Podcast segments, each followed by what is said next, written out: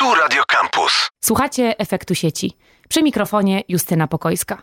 Zgodnie z globalnymi rankingami najbardziej inteligentnym miastem na świecie jest Singapur, a zaraz za nim Helsinki i Curych.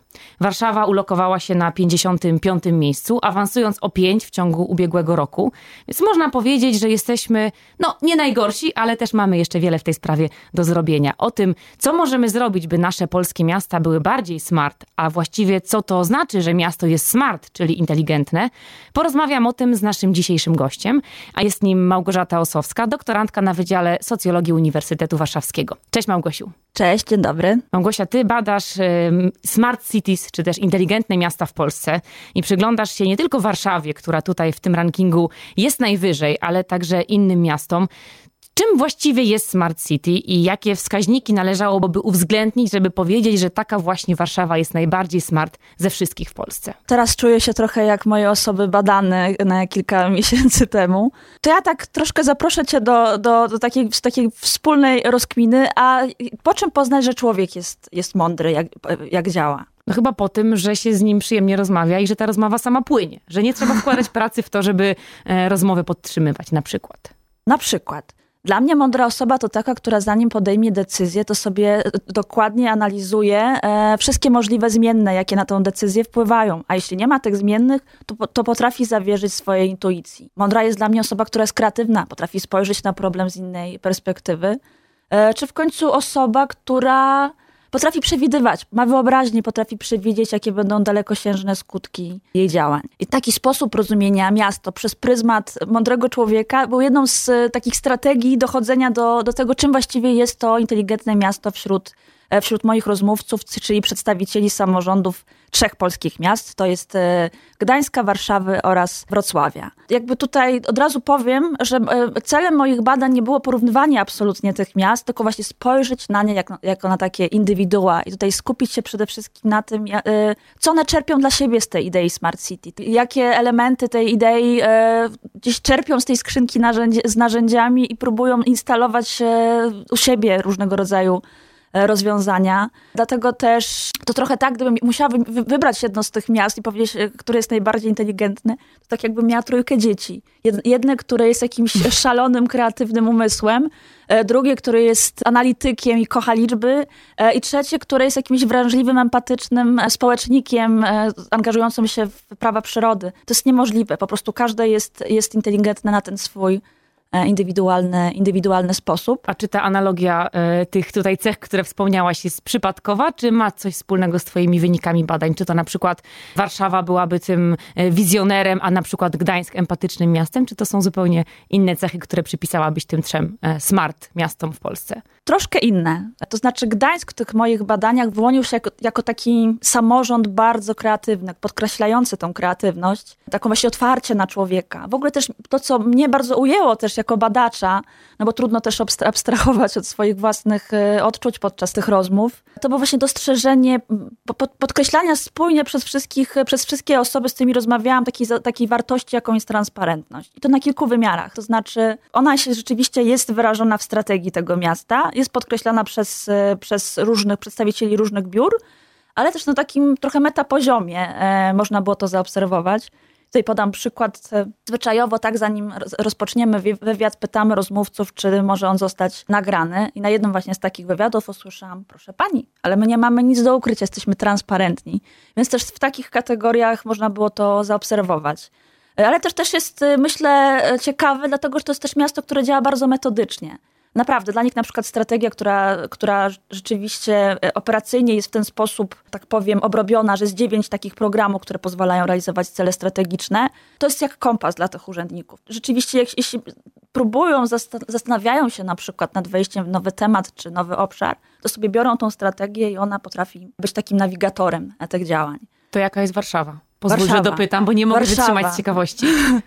Warszawa to jest w ogóle dla mnie było trudne prowadzenie badań w tym mieście też dlatego, że po prostu to jest moje miasto. Zawsze będzie, będzie mi tutaj e, serce szybciej, szybciej e, biło. Bardzo też miałam przez to zapewne wyższe oczekiwania. Tutaj też od razu muszę to powiedzieć i, i, i mam, mam tego absolutnie pełną świadomość również jako badacz. W Warszawie mnie najbardziej ujęła ta taka właśnie wizjonerskość, takie właśnie takie kreowanie, roztaczanie takich bardzo dalekosiężnych e, wyobrażeń, co się zadzieje z, e, z miastem za kilka lat. E, I tutaj ja byłam rzeczywiście bardzo, teraz z tej perspektywy, na przykład myślę sobie, jakie to było mądre, że rozmówcy mówili o, o właśnie o pracy zdalnej, że przecież może E, może praca zdalna się w przyszłości e, upowszechni i to będzie miało ogromny wpływ na lokalność, na, na właśnie te na, na, lokalne usługi. A dodam, że to były czasy przedpandemiczne, więc, że tak powiem, doskonale się urzędnicy wpisali w to. Ale też bez względu na to, jaki pion merytoryczny reprezentowała mój rozmówca, rozmówczyni, E, to rzeczywiście te roztaczanie wizji, takie, taka świadomość, że oni wiedzą, gdzie idą, było bardzo, bardzo widoczne. Ale też to, co było charakterystyczne dla tego miasta, to właśnie takie podejście, że, że miasto musi być przede wszystkim wygodne, tak? I to również to, jest, to też jest fajne, że to widać na poziomie strategii, że ta wygoda jest wymieniona w priorytetach, w celach, ale wygoda jest też bardzo wyraźnie podkreślana w, w narracji. E, to znaczy mi to ujmowało. Właśnie ja, ja taką metaforę mówienia o, o, o, Smart City jako o takim smartfonie, tak? Czyli to jest miasto, które się do ciebie dopasowuje, które, które widzi, jakie ty masz przyzwyczajenia i tak stara się do, do, dostarczać ci usługi, czy tak kreuje tą przestrzeń wokół ciebie, żebyś, żebyś ty mogła się tak umościć, żebyś ty się czuła możliwie swojsko w, tym, w tej przestrzeni. To na razie nie będę y, może odzierać tych y, pięknych obrazków ze złudzeń, ale został nam jeszcze Wrocław. Jakbyś powiedziała Wrocław. w kilku słowach, jakim dzieckiem w tej rodzinie byłby Wrocław? Ja odebrałam Wrocław jako takie miasto niesamowicie e, analityczne, bardzo metodycznie działające, takie uporządkowane i oni rzeczywiście mają bardzo duże też sukcesy na swoim koncie i, i, i cała tam też sposób, w jaki mówią o działaniach, jakie realizują, Widać, że to jest wszystko przemyślane. Na przykład y, jak zapytałam jednego z rozmówców, y, jaka była inspiracja do utworzenia na przykład Miejskiego Centrum Kontaktu, to ja otrzymałam niemalże dokładne wyliczenia dotyczące tego, ile urzędnicy tracili czasu przez to, że musieli odrywać się od pracy, żeby, od, żeby odbierać ciągłe telefony od mieszkańców i, i jakby widać było, że całe, całe działanie, żeby wyodrębnić komórkę organizacyjną stricte poświęconą kwestii komunikacji z mieszkańcami w tych najbardziej podstawowych takich sprawach miejskich, że to było dokładnie przemyślane od początku do końca. I oni rzeczywiście też bardzo podkreślają w strategii i to widać również w samych rozmowach, że chcą być takim miastem akademickim, że ważna jest dla nich współpraca z nauką, że, że taka mądrość, w ogóle też bardzo ciekawie jest e, zdefiniowane miasto,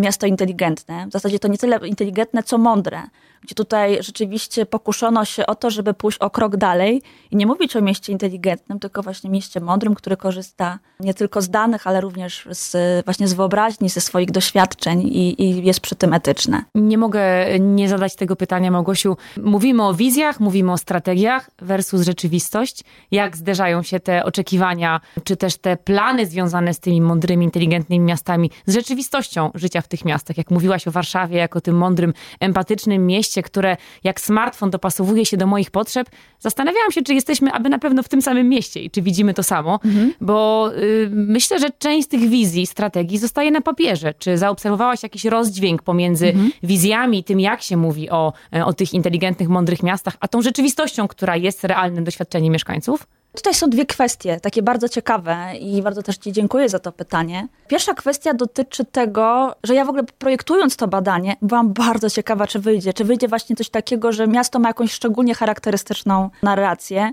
I w sumie można powiedzieć, że gdybym ja poprzestała tylko i wyłącznie na analizie tych papierów, tych dokumentów, właśnie to, to co wspominasz, to ja doszłabym do wniosku, że w zasadzie te miasta idą w bardzo podobnym e, kierunku, tak? Że, że, te, że, jest pewien katalog działań i rozwiązań, które jeśli miasto chce być inteligentne, no to powinien tutaj się nad nimi zastanowić. Natomiast kiedy ten cały nasz mechanizm, ten organizm miejski zaczynamy, zaczynamy zaglądać do środka i, i, patrzeć na tą całą inżynierię, która, która poprzedza te rozwiązania, widzimy, że im towarzyszą inne narracje, to znaczy inaczej są te rozwiązania e, wypracowywane. I tu podam przykład. Znowu wrócę do tego miejskiego centrum kontaktu. Jedno miasto zapyta mówiłam o tym Wrocławiu, czyli on się, on się powołał na liczby, na swoje obserwacje i przemyślenia, a inne miasto powiedziało, że e, my, my podróżujemy, obserwujemy różne miasta i zaobserwowaliśmy takie rozwiązanie, jak ono dobrze się sprawdza i, i postanowiliśmy je tak właśnie e, twórczo, twórczo zmodyfikować i zaadaptować do tych warszawskich warunków, tak? Czyli tutaj mamy narrację taką otwartą, podróżniczą, taką właśnie inspirujemy się innymi, szukamy różnych, różnych ciekawych rozwiązań i je modyfikujemy, a tu mamy taką narrację właśnie, że to wynika z danych i z takiej dogłębnej analizy. Oczywiście my nie wiemy, jak było, bo to też jest kolejna kwestia tego, co pytasz, czyli na ile narracja rozmija się z rzeczywistością. To jest w ogóle bardzo ciekawy temat, dlatego że w gruncie rzeczy całe, to jest w ogóle też pytanie trochę, ja, ja miałam taką refleksję ostatnio, że w sumie w, w ogóle na, nauki społeczne, można powiedzieć, że my w ogóle badamy narrację, bo rozmawiając z daną osobą, no to zawsze jest, y, my nie dowiadujemy się dokładnie, co zaszło. My dowiadujemy się o tym, co ta osoba uznała za, za ważne dla siebie i w jaki sposób ona to zrekonstruowała i utkała z tego jakąś nową opowieść. Więc to, co ta osoba mówi, ja uważam, że do, do pewnego momentu my musimy wierzyć, że coś nam to mówi o tej rzeczywistości. Zwłaszcza jeśli weryfikujemy i rozmawiamy z kilkoma osobami, ale też wiele to mówi o tej osobie. E, I to też jest ciekawe. Jakby ja z takiego założenia wyszłam projektując te badania, że ja chciałam poprzez, traktując trochę ten Smart City jako taki pretekst, jako taką e, soczewkę, e, zobaczyć, jak te miasta się widzą, kim oni, jako samorządy, prawda? To znaczy, kim oni są i dokąd oni zmierzają. Czyli można powiedzieć, że nieważne na ile ta, ta wizja w tej chwili odpowiada rzeczywistości, Ciekawe jest to, jaka ona jest. Właśnie, czy oni chcą być miastem naukowym, czy chcą być taką agorą dla wszystkich mieszkańców, czy chcą być miastem wygodnym, czy chcą być miastem kreatywnym i wspierać właśnie przedsiębiorczość. To dużo, myślę, mówi po prostu o samych, o samych miastach. Czyli można powiedzieć, że przyglądała się tożsamości miejskiej, takim, e, takiemu samouświadomieniu tego kierunku rozwoju. A czy oglądałaś, może też podglądałaś technologiczne rozwiązania, które towarzyszą tym narracjom?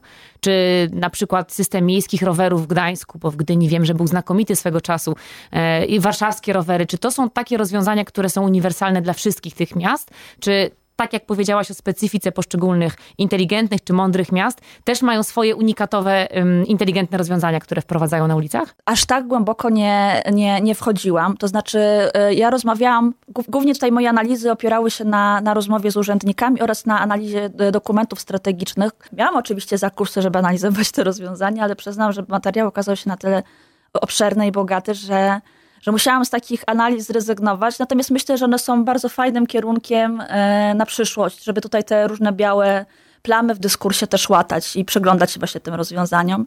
I też myślę, że właśnie mówią głównie o samorządzie, a nie o samym mieście.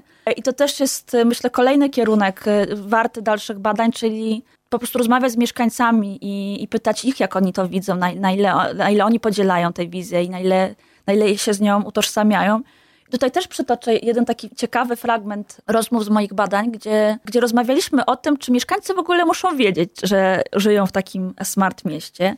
I tutaj mój rozmówca stwierdził, że w sumie no to, to jest wiedza taka merytoryczna i że ten człowiek po prostu musi doświadczać to miasto jako, jako dobre, takie, z którego on nie chce wyjeżdżać, a też to jest miasto smart, czy miasto zrównoważone, czy miasto o jakiejkolwiek innej etykietce, nie powinno go interesować. Ja akurat jestem, jestem stanowiska i myślę, że to też jest jedna z, re, z rekomendacji, że ważne jest, żeby ta wizja była uspójniona i przede wszystkim, żeby wartości, które stoją za daną wizją, były, były uspójnione, tak? Bo tutaj też widziałam na poziomie miast, że, że nie zawsze jednak jest, jest ta spójność. To znaczy, jest pewien porządek taki normatywno-deklaratywny, czyli mówimy o czymś, że coś powinno wyglądać tak, a nie inaczej, ale nie do końca się z tym gdzieś tam podskórnie zgadzamy. Więc myślę, że, że, że osiągnięcie takiej spójności na poziomie organizacji jest jedną z e, takich czynników sukcesu dla, myślę, że dla Smart City. Zwłaszcza, że to jest po prostu pojęcie bardzo trudne. Ja myślę, że zrównoważony rozwój też jest takim bardzo trudnym pojęciem i często w ogóle te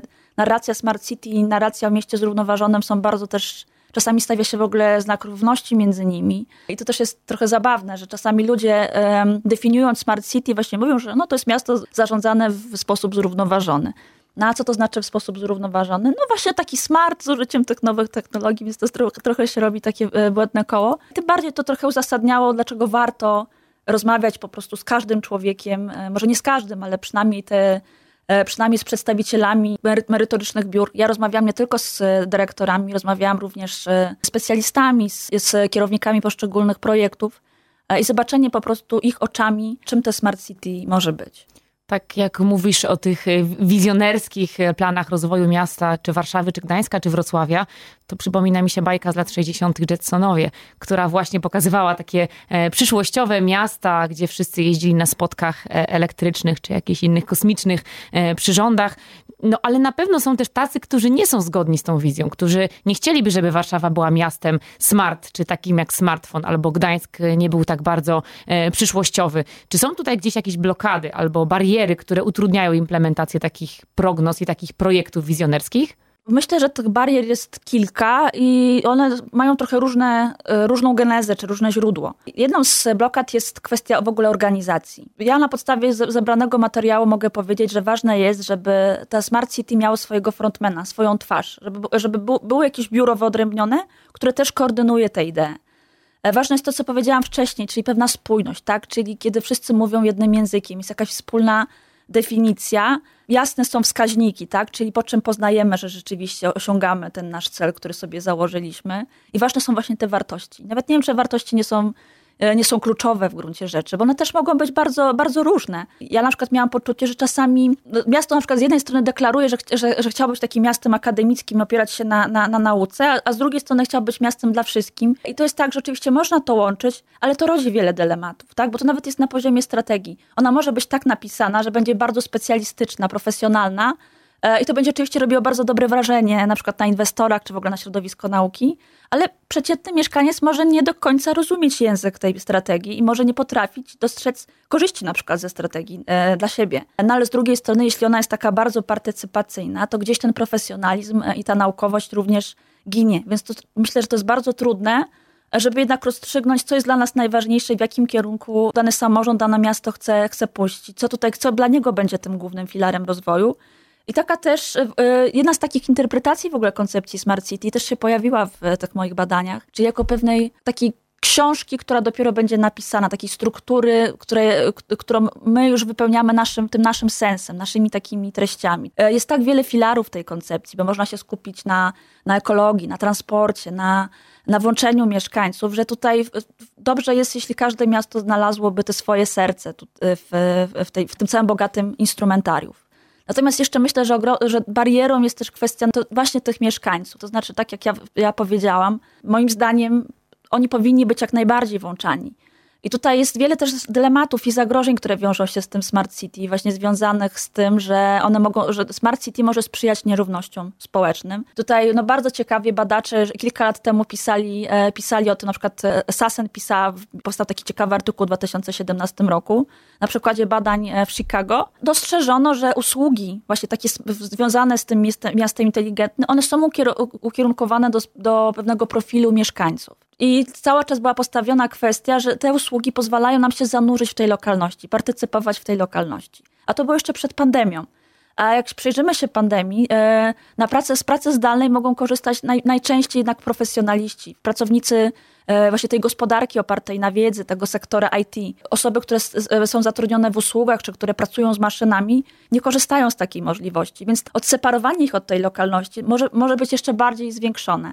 Więc e, myślę, że kwestia tego, jak zaangażować wszystkich mieszkańców, jak ich edukować do tych rozwiązań. Tutaj też zadawałam moim badanym takie pytanie, kiedy można odpuścić to zachęcanie. I były różne odpowiedzi. No, były takie odpowiedzi, że jeśli ktoś nie chce, no to, no to, no to trzeba go zostawić w tak. spokoju. Tak. Moim zdaniem trzeba zadbać, że ta osoba przede wszystkim, yy, po, przede wszystkim ona wie, że może z czegoś skorzystać i umie z tego skorzystać. Jeśli te wszystkie warunki są spełnione, to znaczy ona jest, wie o danym rozwiązaniu i potrafi z niego skorzystać, to wtedy, wtedy to już jest kwestia jej wyboru. Jeśli nie chce, to tak jak mówisz, nic na siłę, ale jeśli chce, a z jakiegoś powodu nie może, to nie jest to stan pożądany, to nie jest smart. Czyli reasumując, smart, czyli inteligentne, a właściwie mądre, jak powiedziałaś miasto, to miasto transparentne, co bierzemy z Gdańska, e, wizjonerskie, co bierzemy e, z Warszawy, uporządkowane i bazujące na danych i gromadzeniu takiej e, bazy analitycznej, to zaszczepimy z Wrocławia, przy okazji włączające obywateli w te aktywne działania